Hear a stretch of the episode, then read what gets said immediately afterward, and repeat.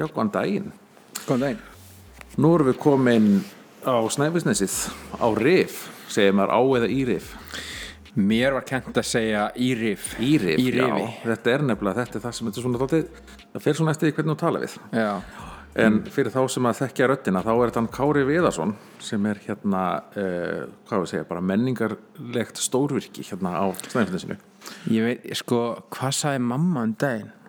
Hún sagði að ég væri hérna rað frumkvöðl. Raðfrum, Mér varst það svolítið skemmtilegt en hún sagði það, já. Það, er, það er ókesslega gott orð. Hún var nýbúin að horfa okkur þáttum raðmorðingja Já. og hún datt inn á þetta hugtak eftir það. hugsaður að vera samt svona að vera mamma einhvers og horfa á rað, raðmáningi og þetta svona, að þetta þetta Kári Já. minn, sonurinn Já, já, að þeim er með einhver svona, einhver svona þörf fyrir að vera í einhverjum svona nýsköpum sem maður ræður ek ekkert við eins og raðmóringarnir ráð ekkert við sig þeir verða bara að halda áfram. Já, já, nákvæmlega.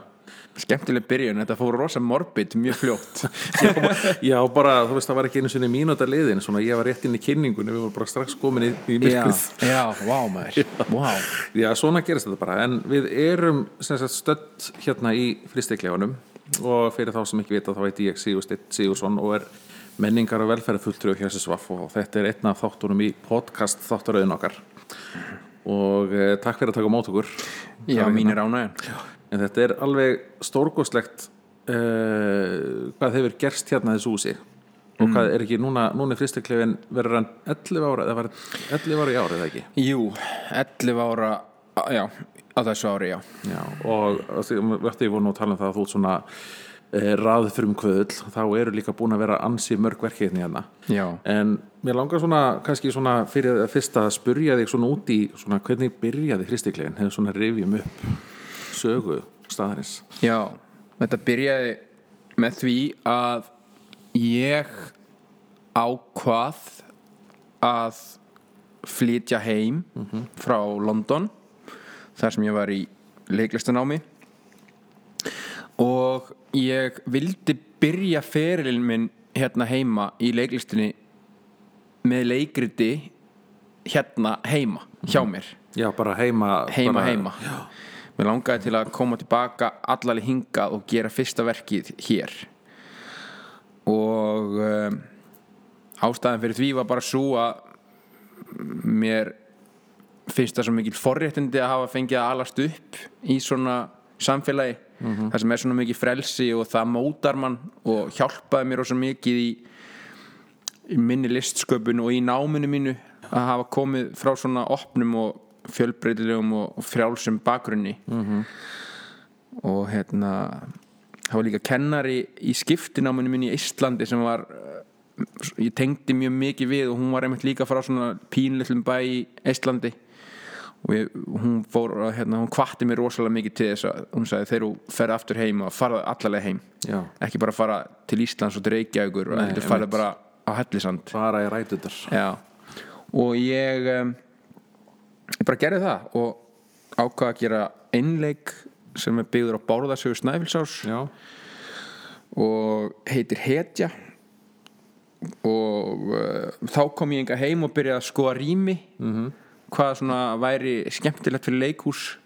Ég var að koma úr svona námi sem var mjög svona óheðbundið og, og mjög svona svona DIY fyrir ekki að ég sletti svona Já, já. gera þetta sjálfur eitthvað veist, hrátt og tilhöruna kent þannig að ég vildi ekki fara inn í negin félagsheimili.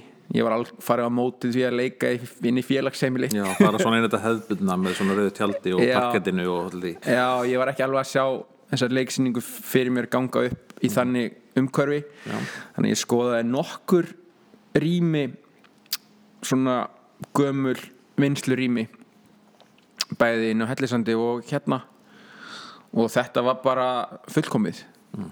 þegar ég kom hérna inn þá sá ég strax fyrir mér já að þetta er alveg rosalega opið þetta er alveg þetta getur verið fjöl nýtt í alls konar Já, dót já, já. og þá fekk ég leiði til að fara inn í fristirinn, fristiklefan hérna inn í þessu húsi og nýta það rými sem leikhús. Og þannig fættist fristiklefin og þannig kom nafnið líka því að þá auglýst ég leiksýninguna í fristiklefanum að því að hún er leikin inn í já. Og, og hérna svo bara snjóboltaðist þetta í kjölfari Hérna, þegar þú varst að leita að eh, rímónum, þú veist, varstu þá að hugsa um bara fyrir þetta, fyrir hetjuna, eða var þetta að hugsa svona meira til framtíðar? þá var þetta bara að hugsa fyrir eina leiksýningu. Um, af því að það var alveg eh, mjög mikið planið með hetju að hetja er því svona showcase leiksýning fyrir mig fyrir bransan hérna á Íslandi Já.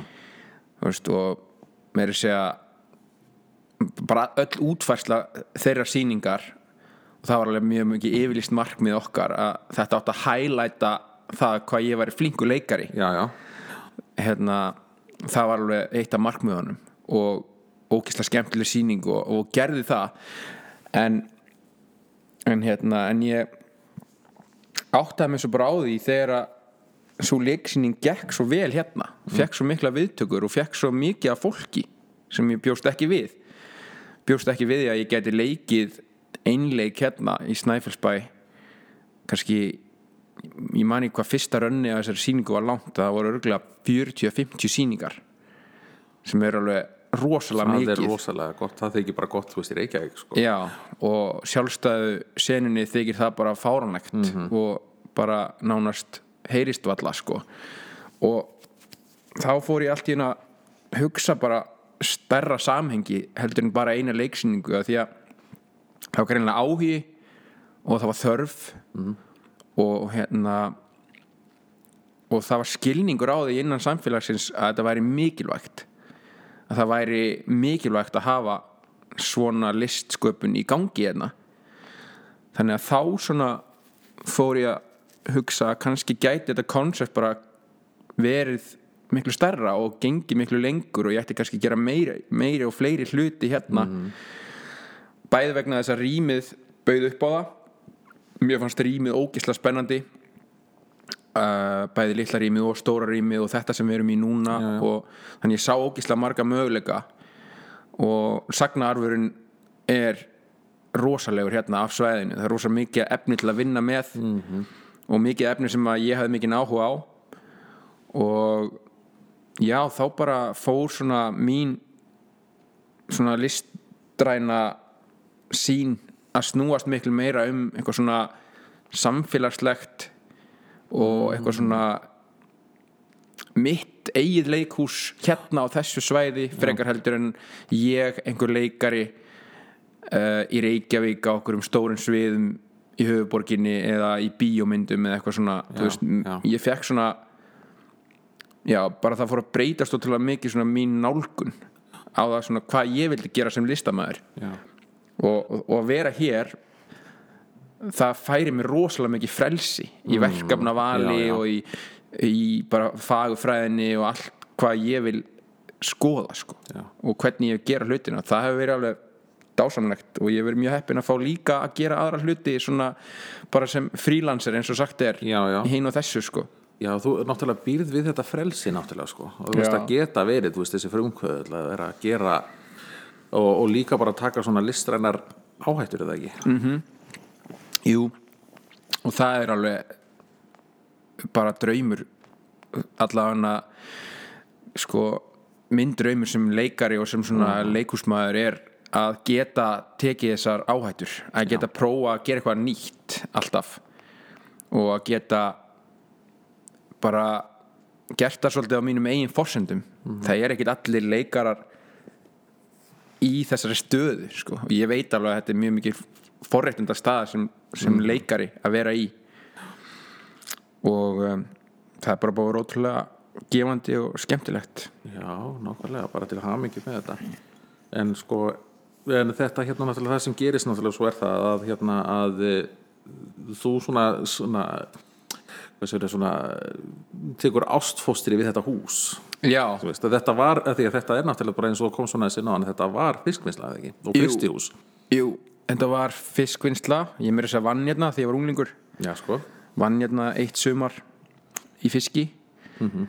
uh, og þegar ég kom hérna 2010 þá var þetta svona hálf tómt. Það var ein hljómsveit að æfa hérna í einu herbygginu já, og annars var þetta bara ekkert í nótkun og ég þetta hafði ekkert verið í nefni nótkun bara í ég veit ekki, tíu ára eða eitthvað. Það var bara svona semitóm geimsla mikla- mikið að drastli og, og vera að geima hitt og þetta hérna, eins og gengur og gerist í svona rýmum. En já, ég tók miklu ástfóstri við þetta hús og, og með, sérstaklega held ég með annari sýningunni og með æringi sem var listaháttið sem við heldum hérna. Með þessum tveim verkefnum það var svona gengið svolítið í það að, að svona vinna með allt húsið. Bæði með, í listsköpun þegar æringur var þá nýttum við bara öll rýmin hérna í alls konar listsköpun. Og þegar ég gerði sýningu nummer tvö sem hitt Góðir Hálsar þá braut ég hérna, þú veist, veggin hérna miðjuveggin og gerði þetta stóra rými. Og, og, hérna, og þannig fór að kvikna hjá mér þessi heildar sín fyrir allt húsið. Og svona smátt og smátt síðan svona var þetta eins og þetta er núna. Bara með hverju einu verkefni eiginlega. Já, já, e, það er aðtilsert að verkin sé að hafa líka taldi áhrif á hvernig húsið er að þróast. Já, menningasettur Já, minna listin var alltaf algjörlega. í því að laga, þú veist, til hérna inn í þessari stofu og eitthvað svona. Já, það var alltaf, já, ok, núna erum við að fara að gera leiksningu sem verður hérna í þessu rými núna þarf fólk að koma þarna inn veist, þá vil maður hafa eitthvað skemmtilegt impression. Já, þannig að fólki líði bara ekki eins og að það sé bara verið að hugsa um leikrýmið heldur all, allt húsið og, og að bara öll aðkoman og allt að húsinu sé svolítið svona partur af upplifunni En gerist það þá ekki einmitt líka, þú veist, að, að sko, að því að, ok, jú, við vorum að segja það að, að, að listin og menningin hefur áhrif á húsið, en er það ekki líka aldrei öfugt, þegar þú búin að búa til þess aðstöð, að kannski húsið fara þá að tala kannski meira til þín, Jú, að búa til verk og eitthvað svoleiðis. jú, klálega Já, minna við höfum búið til verk sem var alveg spes sett inn í þetta rými til dæmis. Og þetta er ekki eh, þe- þetta er náttúrulega ekkert leikhúsrými. Nei. en, en okkur fannst þetta bara þegar við vorum búin að búa til þetta rými þá allt í einu þá fæðist hugmyndum verk eiginlega út frá þessu rými með önnum ökku vinkunum minni. Já, þar sem að hérna One Night Stand hérna, einn Já, nættu gaman og bæði íslensku og ensku. Og það var allt, gerðist allt hérna inni. Þannig að það er mjög svona talandi dæmi um það hvernig rýmin stundum kveikja í, í verkefnunum sko. Já, og það er kannski líka því að, þú veist, með þetta nám sem þú varst í þetta er svona að vera að horfa á svona óheðbundir leikus veist, svona í óheðbundir rýmum og, og svo framvegis. Já, en, en það er svona hefur svolítið loða við íslenska leikhúsbransan kannski gerir það ekki lengur en það allavega hann að gera það þegar ég var að byrja að það var svolítið svona stigma það var svolítið litið niður á, á leikhúsfólk sem var einmitt, einmitt sko hérna í þessu óheðbundna skilur nákvæmlega. það var alltaf bara eins og að einhver einhver partur af íslenskri leikhússenu automatist héldi þá bara að þetta væri bara eitthvað rung skilur, bara eitthvað svona einhvað svona listarung sem kæmi engum við -hmm. en, en ég er algjörlega mótfallin því þú veist það þó að maður sé ykkur óheðbunni að maður sé að testa eitthvað það þýr ekki það að maður ignori sko grundvallar atriði í leikhúsinu sem eru áhórendunir já, já, já, veist, að hérna ég held að það sé mjög fáir í leikhúsinu yfir höfu sem að er ekki alltaf með áhörendur og upplifun áhörenda mjög framalega í, í þeirra sko plönum hvort sem þeir eru að gera innan sviga hefðbundið eða óhefðbundið leikhús.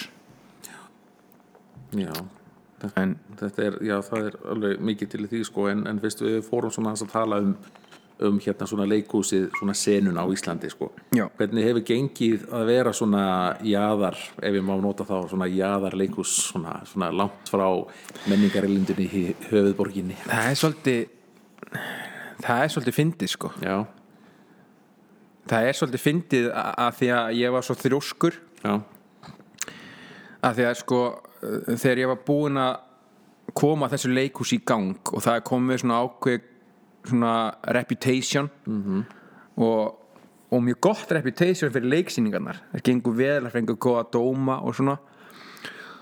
Þá tók ég þá ákvörðun og það gerist mjög snemma að ég myndi ekki ferðast með leiksýningarnar mínar. Mm, uh, það er að segja ef þær eru byggðar á efni við sem er mjög nálægur þessu leikhúsi bara í á, þú veist, úr okkar sagnaarfi sem ég var rosa mikið að vinna með og var alveg konseptið í byrjun þá vildi ég ekki sko fara með sýningarna neitt. Þó ég væri ó, ótrúlega oft beðin um það og alveg ítrekkað sko, Já, já. með marga sýningar. Hvenær á þetta að koma til Reykjavíkur? Hvenær á að ætla að fara með þetta þanga og ekki að fara með þetta hinga og þanga skiluru og ég ákvað að ég myndi ekki gera það. Og ástæðan fyrir því var svo að ég vildi að fólkið hérna í nær umhverfinu fyndist það eigi eitthvað mjög spes í þessu leikhúsi. Við værum ekki bara eitthvað svona einhver verksmiða fyrir leiksýningar sem myndu síðan fara út um allt. Já, bara eitthvað svona pröfu Já, fyrirnastofa sem bara væri fyrir að annan, sko, annan markað. af því að það skilaði sér alltaf í því að leiksýningarna fengu ógeðslega lang, langt líf hérna innan svæðisins vegna þess að fólki hérna áttaði sig á því að það þarf að halda þessu lifandi það er eitthvað spes, við eigum þetta hérna saman og við þurfum að fara á þessar leiksýningar til þess að þetta leikhús haldi áfram -hmm. og annar póll í þessu var sá að ég vildi að hérna leikhúsgestir og leikhúsfólk áttaði sig á því að það væri gott leikhús í gangi út á landi já, og að fólk út á landi hefði í gegnum tíðina þurft að fara til Reykjavíkur til þess að fara í leikhús. Nákvæmlega, nákvæmlega. og, og hérna og gerir enn. -hmm. og ég hugsaði það bara alltaf já, ég meina, ef fólk í Reykjavík vill sjá leiksýningarna mínar þá getur það bara kyrt hingað, alveg eins og fólki hérna getur kyrt í Reykjavíkur ég hef ekki þurfa að kompromæsa mínum listaverkum setja þau inn í einhver önnur rými gera þau einhver, uh, þú veist gera einhverja hagköpsversjón af einhverju leikhúsi bara til þess að þóknast einhverjum þú veist leikhúsgestum í Reykjavík sem maður nenni ekki að keira í reyf en þú veist, þetta já. náttúrulega gung-ho af því að þú veist, hérna, þetta er pínu crazy en, en, en, en það skila sér því að ég fekk mikið að gestum samt sem áður frá Reykjavík og ég þurfti ekki að taka sýningar sem voru settar inn í mjög óhefbundin rými og breyta þeim og taka einhverjar einhvern sjarma út úr þeim -hmm. til þess að fá einhverja þú veist smá krónur auðra í einhvern bauk og einhverja fleiri gesti og eitthvað svona En það er nefnilega, það er nú samt aldrei aðlilis að þetta sko, en, en sko að því að núna erum við hérna hjá SSVF að endur sko að menningastöðnum Vesturlands mm. og það við að tala um menningar uppeldi og heldur að það, það hef ekki svona breytt svona markan og þú svona búin að ala áhörfendinu upp upp og nýtt og þú veist það er að aukast að fólk er að koma hinga til þess að sjá menningaviðbyrð það ekki, bara fólk er að koma langt að meiri sig til þess að sjá eitthvað einstaka viðbyrð jú Það er ótrú, ótrúlega gaman alltaf þegar það gerist. Já, og sækir- kemur mér þess að fólk með flugvelminga Já, nokkulega Flýgur í rif. Já, það er kannski hægt að bara kannski koma ykkur undulli fyrir þetta að opna RIF International. Já, opna flugvellin aftur maður. Það væri geggja Nei, já, það er alveg Jú, jú, maður, ég tek alveg eftir því.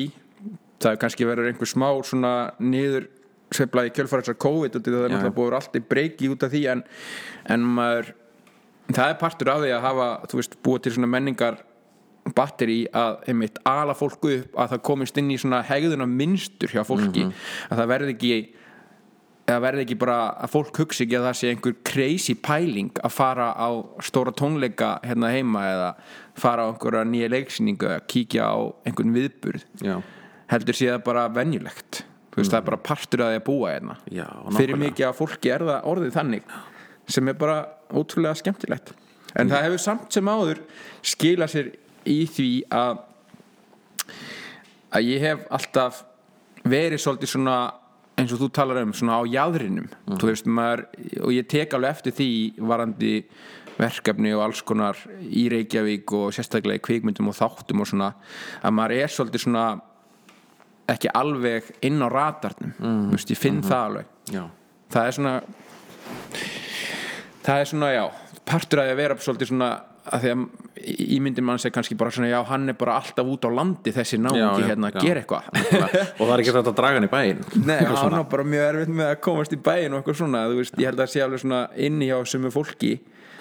En en máli er, og ég hef oft pælt í þessu sko, að maður þarf ekki að gera allt í einu skilur. Nei, einmitt og það er líka kannski bara aftur að þessu frelsi sem það hefur sko. þú veist Já. að þú hefur þú getur leiftir að gera hlutina að sko, vinna þá vel og lengi sko. Og en talandi um það, þú veist að hérna, fólk gerir sér kannski þá heldur ekki mikla grein fyrir því hvað er rosalega mikið vinna sem fer í að setja upp svona gæða Mhm. svona verk, það er bara allt frá því að, að skrifa verkið Mhm. og setja á svið og allt þetta sko en, Já. það er, en, en sko hérna það reyfast bara upp sko hérna að, að sko kannski það er verk sem að ég held að hafa kannski fengið mest aðtli það er mar. -hmm. sem að og ég fór og ég held ég hef komið þrjóðsössunum að sjá það sko, það er bara geggjað. Hérna getur þú farið svona kannski aðeins svona fyrir þá sem er að hlusta svona hvernig prósessin er að setja upp svoleiðisverk Vá, já. Og náttúrulega líka fyrir utan það mikla tilfinningar. Já, vá, Mar var alveg Mar var erfitt erfitt í í sköpun sko.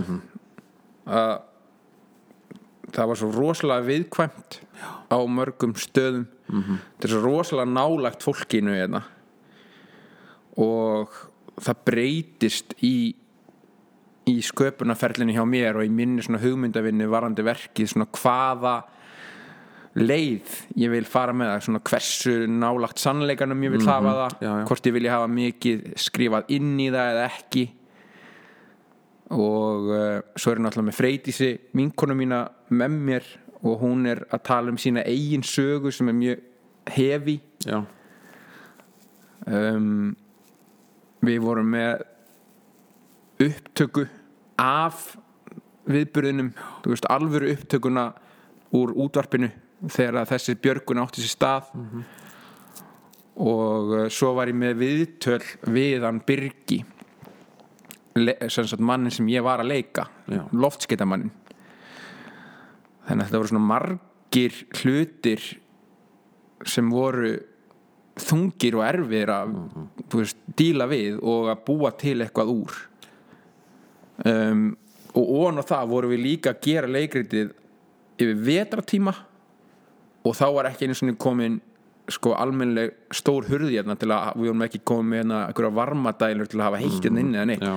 það var bara skítkallt þegar við vorum að gera sýninguna og búina til Þú veist, og leikstjóri minn var átni, hann var bara veist, í kraftgala hérna inni og veist, ég bara byrja að titra og skjálfa bara að tala um þetta að það var, þetta var svakalega hefi og fyrir þá leiksýningu þá líka hannaði ég leikmyndina. Já, já, um, það var svaka prósess. Ég var með alls konar hugmyndi var þetta leikmyndina. Fyrst ætla ég að hafa vatn, mikið af vatn inn í einhvern kassa, veist, það var bara eitthvað eðlisfræðilegt masterpiece sem að var ekkert hægt að gera skilur þetta var bara einhver útópiskur svona draumur sem að listamæður sem skildi ekkert í eðlisfræði var bara búin að eigða einhverjum vikum í að já, gera. og endaði síðan í, þessari rólu sem kom úslega vel út og eitthvað. Uh, þannig já þetta er náttúrulega bara margra margra margra margra mánaða prósess og hugmyndavinnan fyrir og, og heimildasöfnunin og allt í kringum þetta var erfitt sko. Og svo tala ég nú ekki um að leika þessa sýningu sko. Já. það var ískalt og vatnið sem ég var með í leikmyndinu sem ég var að leika í var veist, það var hérna það var já, þá var ekkit þá var ekkit komin eitt heitt vatn hérna fram. Eða neitt sko. Uh, og svo var þetta náttúrulega bara svo nálagt hjartanu sérstaklega hjá Freydísi og hún er náttúrulega mjög góð vinkona mín þannig að hún á náttúrulega allt hrós skilið fyrir að treysta mér og treysta teiminu í kringum þessa leiksýningu fyrir þessari sögu hennar sérstaklega því að hún var hérna og misti náttúrulega fóstupappa sinn og allt það í hennar slísi hérna þannig að þetta var alveg mjög, mjög erfitt sko. Mjög krefjandi en alveg ótrúlega gefandi og, og það er náttúrulega alveg stórkostlegt að upplifa það að hafa tekið þátt fyrir ekki já, ég man ekki hvað ég var í þessu. Já, ég var að tala um að, að hérna að hún freyti sá að hún náttúrulega mesta hrósið skilið fyrir hennar vinnu og, og hennar sko gjafmildi Já. í því að gefa okkur tækifæri til þess að vinna með hennar upplifun af þessu og það var það sem að var frábærast við þessa leiksýningu og það var það sem að gaf áhorandum held ég mest. Það var þessi kontrastu sem við náðum að byggja upp ég og hún. Uh, og vera með þessar tvær hliðar á þessum slísum og, og, hérna, og það er alveg það er ótrúlegt að eiga þátt í því að vera inni í listaverki og að framkama svona gjörning sem, a, sem að hefur svona svakalega áhrif á fólk. Veist, það voru bara grjóthörðustu sjómenn og, og, og skipstjórar á slísavernar hérna, skipum og þeir voru bara grátandi hérna, og þetta var rosa mikil svona losun. Já fyrir ótrúlega marga áhörændur sem að bara ég held þannig að þetta hafi verið einmitt eins og segir þessi losun þú veist þetta hafi verið og þú veist og þá er það líka því að það er náttúrulega eitthvað sem að listin gerir aldrei sko. Þá, þú Mm. veist þegar hún er að, að fjalla um bara samtíman tilfinningarnar og allt það sko. Já, og e, þess vegna er þetta svona kannski mikilvægt að byggja upp menningamustuðar sem þessa hérna, einmitt hafa vettfang til þess að gera það. Já, algjörlega það er, það eru mörg moment sem ég hef lent í hérna og ég fæ alveg svona oft þessa tilfinningu hérna þegar að eiga sér stað einhver svona beautiful moment með áhörendum sérstaklega, þú veist að þá hugsa ég með mér, já alveg rétt þetta er pointið með Já. þessu öllu saman þú veist, þetta er í alvörunni svona æðisti tilgangurinn, það er að búa til minningar eða búa til einmitt einhver svona einhverja svona losun einhverja svona præma losun fyrir þá sem að koma á viðbyrðina Já. og þetta er alveg að gerast oft. Þetta getur gerst á þetta getur alveg gerst bæði á bara hefi leiksýningum eða á finnum leiksýningum eða, eða, eða á tónleikum. Veist Já, þetta gerist ofta tónleikum og ég fæ svona wow ok þetta er magic. Veist það hérna núna er eitthvað magical moment.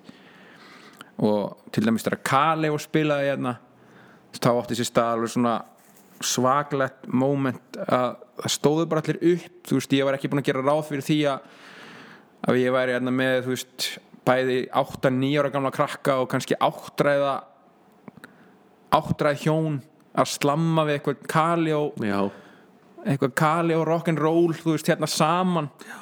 Og þetta er einmitt líka beauty við að vera að gera þetta svona út á landi að þú myndir ekki upplifa svona þetta spektrum af áhörendum í einhverju svona mómenti saman held ég á tónleikum með Kali og í Reykjavík nákvæmlega, þar nákvæmlega. sem að veist þeirra svona prime markkópur myndi vera meiri hlutin á áhörendunum mm. þarna var, varstu með bara fullt af krökkum, fullt af gömlu fólki eldra fólki og alls konar bara allir saman einhvern veginn og það var mjög svona mikið nánd og skapaðist alveg svona geggja beauty moment þarna og hefur síðan marg oft gerst síðar sko. Algjörlega en, en að, já, nákvæmlega, en að því að þú talar hérna um Kaleo mm. og það hafa verið að koma mjög stór nöfn hérna tróðu þú veist, það er Kaleo Bríett var hérna dögunum og Ari Eldjarn og, og fleiri það ekki. Jú. þú veist, hérna e, þú veist, hversu mikilvægt er það að þú veist að geta verið með svona stað og fá svona aðila til að koma á tróði og líka kannski bara spyrja framhaldið svona, hvað er gildi fyrir, fyrir fristekleifana frá svona númer?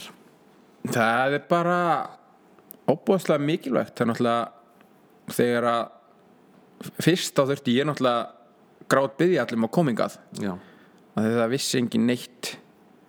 Kali og þú veist var nú mjög gott fólk með mér í að skipulegja Kali og tónleikana um, og alla þessa viðburi en, en, en hérna en svo með tímanum þá þá breytist það og verður þannig að núna er þessi artistanir alltaf að vilja komingað einmitt. Það er komið, búin að skapa þér þetta nafn. Já, það er, það er, og það bara er náttúrulega ekki bara að tala um það innan tónlistasennunar að það sé gott að kominga já, það sé vel tekið á móti artistum og það sé, það geti svolítið gengið að því vísu að það, það sé bara fagmennska og, og, og, og, og það sem er allra mikilvægast bara áhöröndur og, og, og þá held ég einmitt líka bara fyrir listamannin, af því að nú erum við búin að svissa kannski við að tala um tónlistina að uh, listamæri finni þetta sem hún að segja á þann að þú veist að áttra hjón, áttra krakkar getur verið saman og eru að fá sömu upplöfunina Já.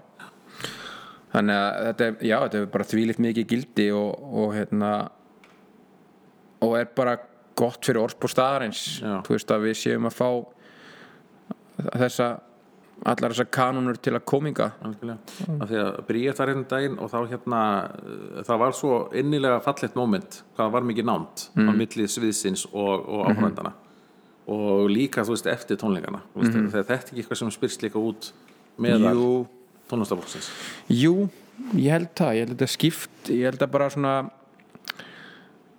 uh, hvað segir maður, bara áreiðan leiki þessar, þessar staðar hérna er bara mikill. Ég held að ég held að allir listamenn og svona þeir geti svolítið stóla á það þegar þeir koma inn á svona stað sem er rekin á þeim fórsendum sem ég er að reka fristikljón á sem er svona samfélagslegt samfélagsleg nálgun þú veist uh, að búa til einhver svona fyrir eitthvað, eitthvað svona, eitthvað svona einhverja stemmingu sem maður finnur kannski ekki alls, alls þar annars staðar. Ég held að ef að listamenn geta svolítið reitt sig á það að, að það sé allt gert til þess að gera hlutina eins vel og mögulegt er innan þess ramma sem við höfum hér þá vilja þær alltaf kominga og þeir vilja kominga aftur Já, já. þá talar um að vilja kominga aftur. Og ég held að sé líka svona, svona innan listamanna heimsins og sérstaklega tónlistamönnum að tónlistamenn vilja stiðja við staði sem vilja uh, vera með tónleikahald og svona business svolítið ofalega á forgangsröðun á listanum Já. en ég held að li- listamenn myndi oftar tónlistamenn sérstaklega velja það að koma á svona stað eins og okkar hérna í fristikljáðan þar sem að þar sem að við erum við viljum halda þessu gangandi heldur en að kaupa sér eitthvað félagsheimili sem mögulega þau myndu græða aðeins meiri pening á kannski fóða ódýrara eða eitthvað, ég veit ekki whatever þó að við séum alveg mjög ódýr og allt það. Uh, en bara til að viðhalda því að það sé einhver, einhver sem tekur á móti þeim það er líka ógæslega mikilvægt. Alls sjálfsögðu sko. Mm. það er, ég held að það sé það er svo alltaf den SS-in í þessu svo náttúrulega er það líka ön, enn önnur hlið hvað þetta var að því að þú hefur líka verið duglegur að fá hérna inn bara nýjar hljómsveitir sem er svona alltaf að byrja. Já. er þá ekki líka svona ennit vinkillin er þá ekki komið líka svona að þessi rosalegt tækifæri fyrir svona nýja artista að koma og performa á góðum stöðum? Jú, ég held það. Það er náttúrulega alltaf erfitt að fá sko erfitt, það er alltaf erfiðar að fá áhorundur til að koma á eitthvað sem þeir kannast ekki við. Það er bara mannlegt eðli, fólk er alltaf aðeins meira hrætt við að kíkja á eitthvað sem þau hefur kannski aldrei hlustað á. En, en jú, það er ógeðslega mikilvægt fyrir unga artista og nýja artista að geta farið um landið og og hérna og spila fyrir einhvað krát sko. Og, og, og stækka áhörndahópi sinn og komist aðeins meira í, inn í umræðuna inn í svona smáum og litlu samfélögum. Já. þannig að jú, ég hef lagt miklu áherslu á það að að vera mjög opinn fyrir því að taka móti hverjum sem er sko. Já, já, og það er náttúrulega bara að horfa á þetta bland sko líka að vera svona fjölbreytilegur og, skiptir mjög miklu máli. Já, það er líka bara partur af þessu uh, stóra konsepti. Það er að reyna að fá alltaf fleiri og fleiri til þess að koma út úr húsunum sínum og kíkja eitthvað nýtt. Já, frekar heldur en að vera inn í húsunum sínum og kíkja eitthvað nýtt á Netflix. Nákvæmlega. Skilur Já, ok, ná, þetta er aðtilsert er, er það þá ekki líka einmitt þetta svona samfélagslega mikilvægt sko upp á það að geta dreigið fólk út og sjá eitthvað nýtt? Og þá er svona fólk kannski meira, meira svona reyðbúið að koma og sjá eitthvað ég man eftir fyrir nokkum árum og þá var danssýningina já, og það var fullt hús eiginlega. Þannig að er heimmaðurinn, eru þið duglega að koma að sjá svona eitthvað sem er svona kannski meira svona, meira kreitið svona fænart eða svo leiðis já, ég held að sé alltaf að aukast. Það færist alltaf í aukana sko.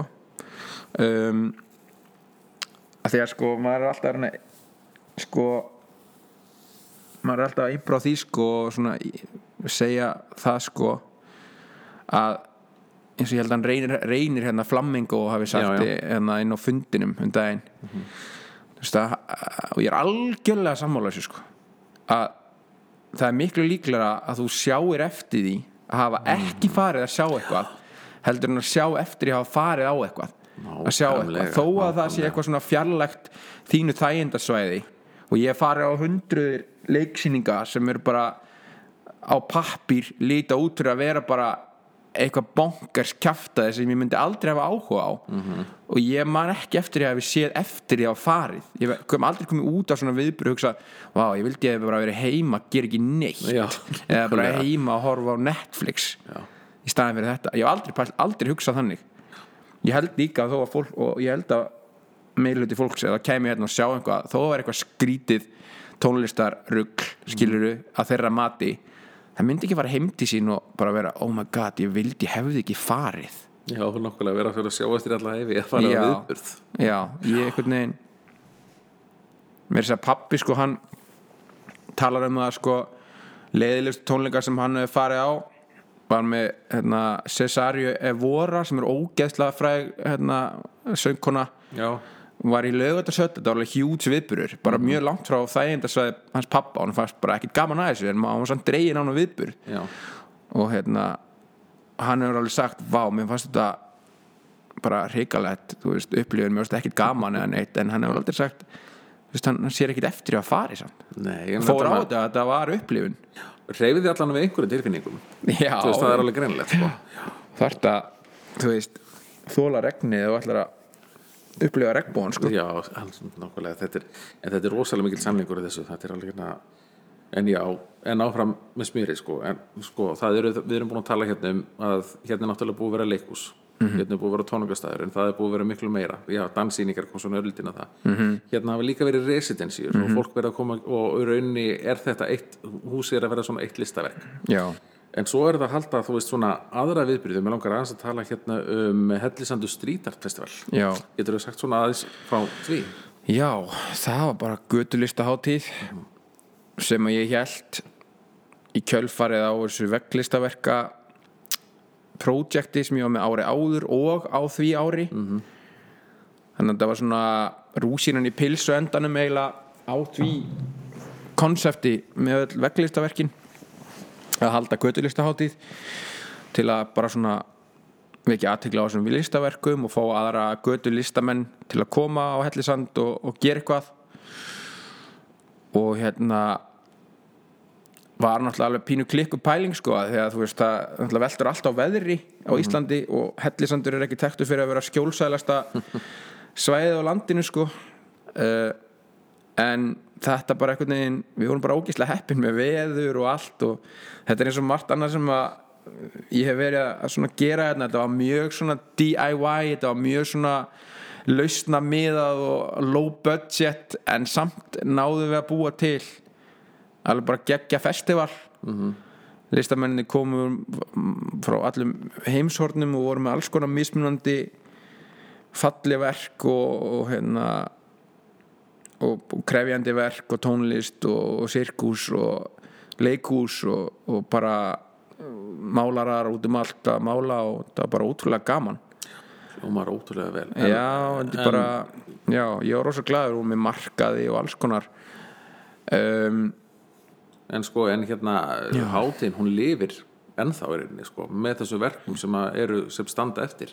já, gerir það sko. Já, og þetta eru sko, það er engin áhuga mann að bara, ára þeim, þetta er alveg stórkoslegt að sjá þessi verk og þau eru náttúrulega hellisandur það sem að gera svo hellisandur fyrir að vera þekktari.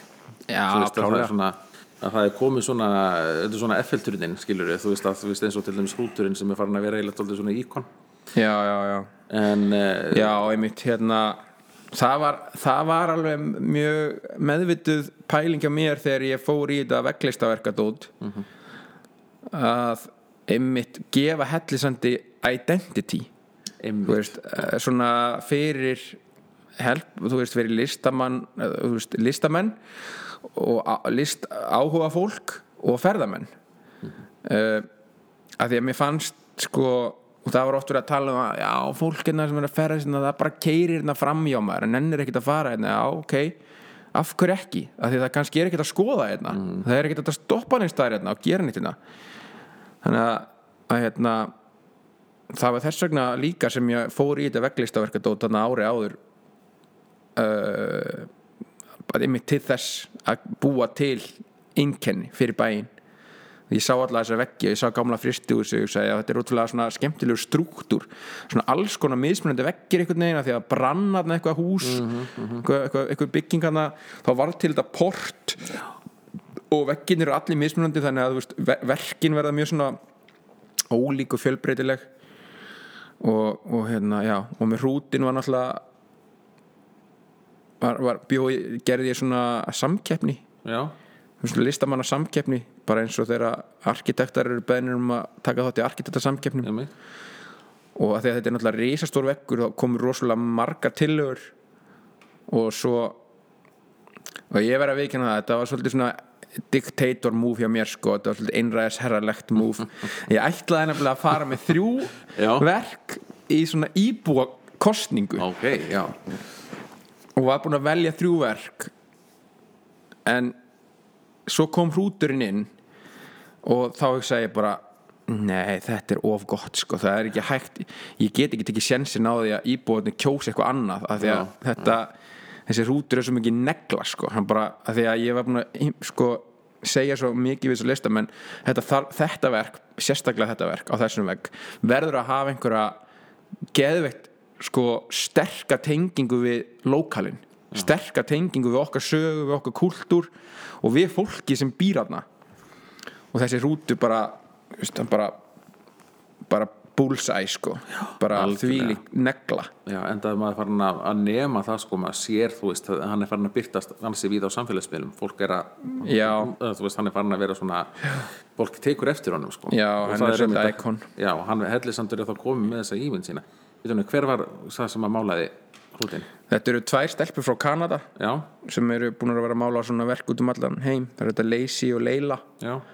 Eru svona að sérhefa sig í svona stórum veggjum já. Komu hérna og bara rigguðu þessu upp sko. Ótrúlegt hvað þetta varð varð nálægt skissunum sem þeir sendur sko, þeir sendur Já, já. skissur af þessu og bara svona, sem var verki bara eiginlega nákvæmlega eins sem var frábært sko. Já, já, ef maður tekur strax eftir í að bara um leið og þessi rútur er komin að, fólk, að bara umferðin um hellisand breytist. Já bara allir að taka myndir af þessu og fólk stoppar og svo lappar og skoðar og Já, kíkir og fæ sér eitthvað að borða og allt þetta sko. já, já, og Kíkir og bara og svo verða stoppar svona einmitt svona markveldis að vera svona markveldis áhrif eins og list oft býr til Já, en líka þú veist að því að götulistin, hún er svona dálítið svona, hún hefur svona verið reyðja sér til rúms og verið að endur uppkvæðvast svona síðust árin, svona fólk Mhm. er farið að að því að hún hefur svona dálítið neikvæðan stimpil svona verið köllu veggja krót og svoleið sko. Já. en er þetta ekki akkurat málið þegar, fagleg list og svona alvöru listenningasalpa kemur inn, þú veist að hún hef, hafi þau áhrif sem hún á að hafa.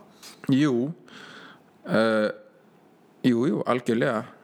Um, það er náttúrulega það er alveg til veggjakrót sko. Já, já, og, en, en það var það var alveg yfirlýst markmið og svona mjög mikilvægt í þessu vegg, listaverka projekti hjá mér að einmitt velja listamenn sem voru að vinna með fjölbrettan stíl það væri ekki bara hérna realismi og einhvað svona, veist, eða bara einhver abstrakt, veist, að það er því svona úr þessu svolítið flóra og ég held að heimamenn sé alveg misánæðir með Já. mörg verkin sko. Það er ekki allir eitthvað rosa ánæðir að Kanye West hérna er hérna á einu vegg og það er ekkit eitthvað allir ógeðslega sátti við að það er bara mjög abstrakt og mjög skrítið verk sem að blasir við út um gluggan hjá þeim sko, sumum hverjum sko. Já, en það er líka bara partur af því að gera svona projekt það, það er að íta við og, og, og það þarf að vera krefjandi og þarf að spyrja spurninga og spurningin, þú veist, hvaða bull er þetta? Hún er alveg mikilvæg eins og hérna, vá, hver gerði þetta? Nákvæmlega, sko í þessu samhengi sko. Já, og koma, rey, koma reyfingu á samfélagi sko. Veist, þetta er, þetta er sko, umtalið er reyfiaflið Já, það væri ekkert flott ef við værum með, veist 40 hrúta. Nei, veist, bara sa sama myndin að því að, að því að bara all, finnst hrútur flottur. Já. að það væri bara hrútar á öllum veggjónum. Það væri bara fáránægt Já, en- en þá var þetta aldrei hrunið sko. já, þess vegna er þetta svolítið skemmtilegt að því að þetta reyfir alveg við öllu. Það eru margir sem æ, ég vildi að það hefði ekki verið hérna, abstrakt hérna, Donald Trump eitthvað, eh, ég man ekki hvað það er eitt sem heitir eitthvað Donald Trump.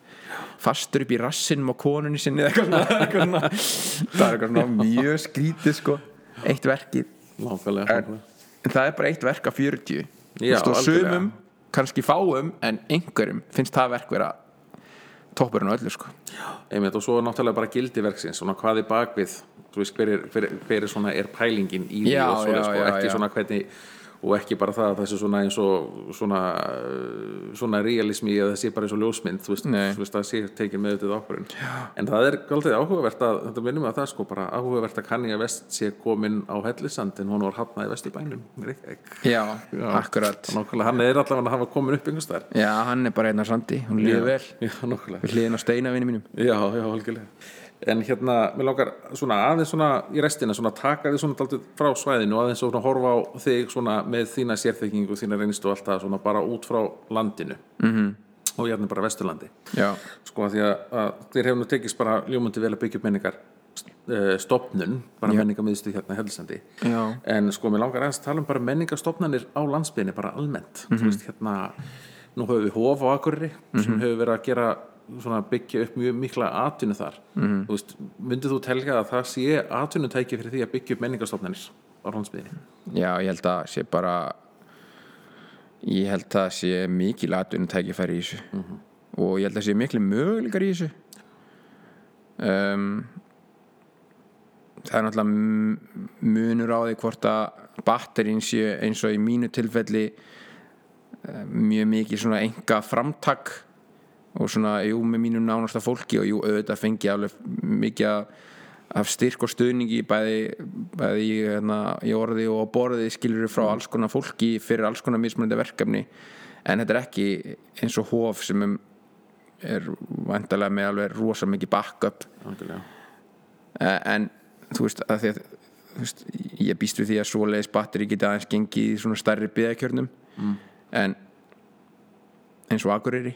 En, en hérna en ég held að þú veist bara tíminni eftir að lega það er ljós að menningin og menningarstarfsemi og listin og allt þetta verði alltaf mikilvægur og mikilvægur vegna þess að þetta er líka einn af þessum hlutu sem að tógar, sem að sko tóga fólk út úr húsunum sínum og kemur þeim saman og býr til samfélag þú veist, styrkir samfélagin því ofta sem fólk hittist og upplifir eitthvað saman og á eitthvað samtal uh, og á einhver, einhver hérna, stundir saman því sterkari verða samfélagin og ég held að sé oft litið framjá því í svona brotættum byggðum að hérna innan svega að um,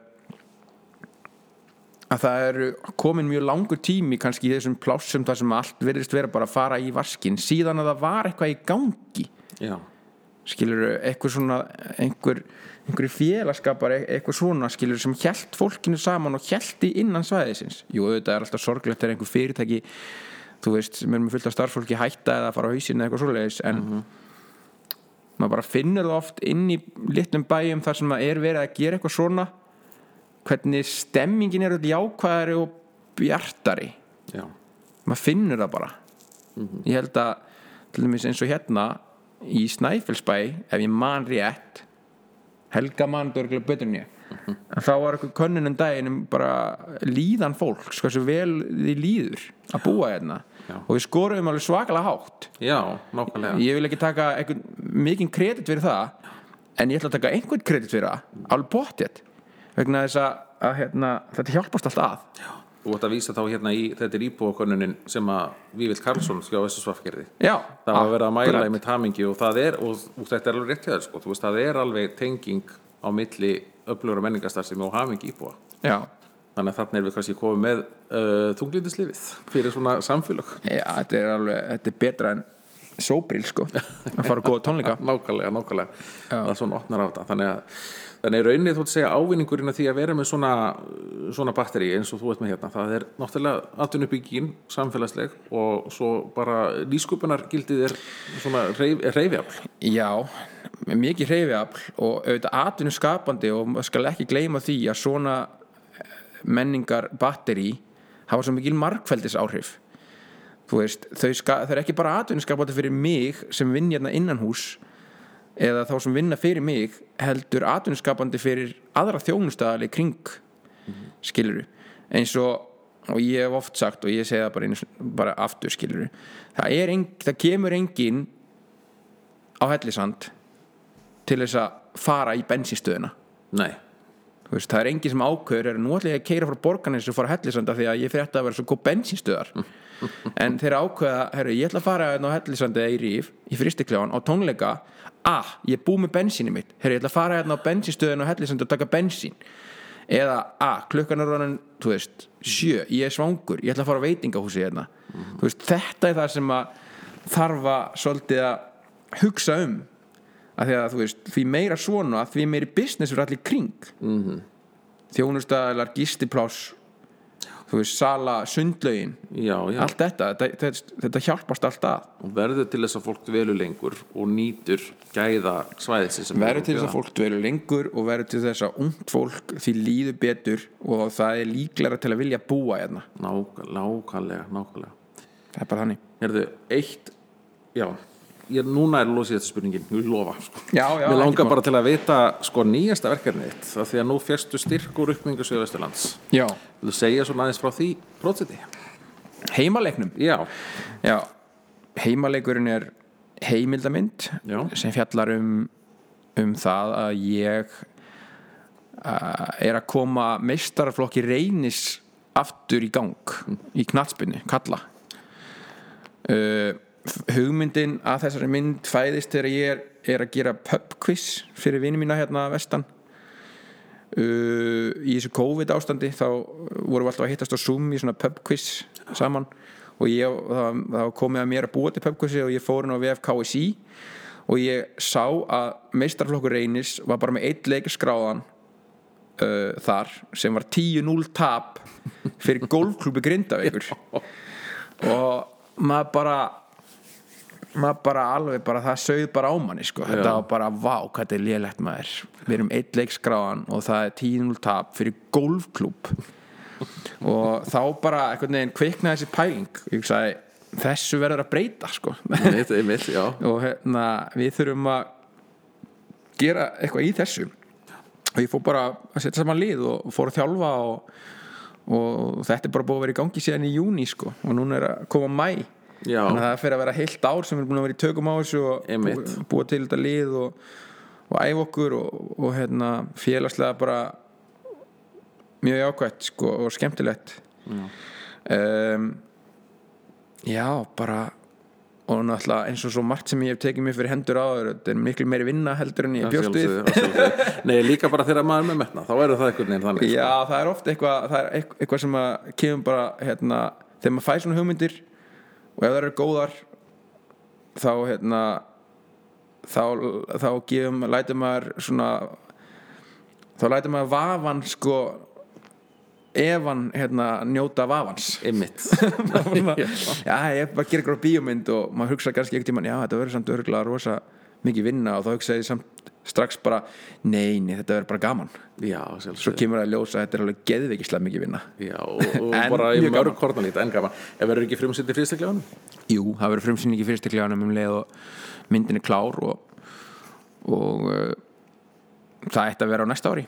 Já, bara vonandi snemma á næsta ári. Já, og þá megum við hvort er öll faðmast og svona Þannig að við getum tróið já, okkur já, hérna já, við býðum alveg við verðum að býða að fólk með ég faðmast sko. það þarf að faðmast mjög mikið eftir þessa mynd Nákvæmlega, það kalla svona daldið að það. Já, þetta er mjög svona mikil, eh, mikil hjarta, stórt hjarta í þessari mynd og, og hérna mikil áhuga spenningur fyrir henni að ég bara held þetta að verði þetta verður algjör gleðið í bomba sko. Ég held það líka En herðu, þetta er búið að vera alveg Ég, er samt alveg með sko Ég hérna var með spurningalista En Já. ég held ég hef ekki spurt nema kannski tveimur spurningum af þessu lista svona, Þannig að við gætum talið allan dag En við verðum kannski láta það kannski býða betri tíma. Já, bara ekkert um að já, en herðu bara takk kærlega fyrir að tala hérna eins við okkur og bara gangið er ótrúlega vel í öllu sem þú tekur þig fyrir hendur.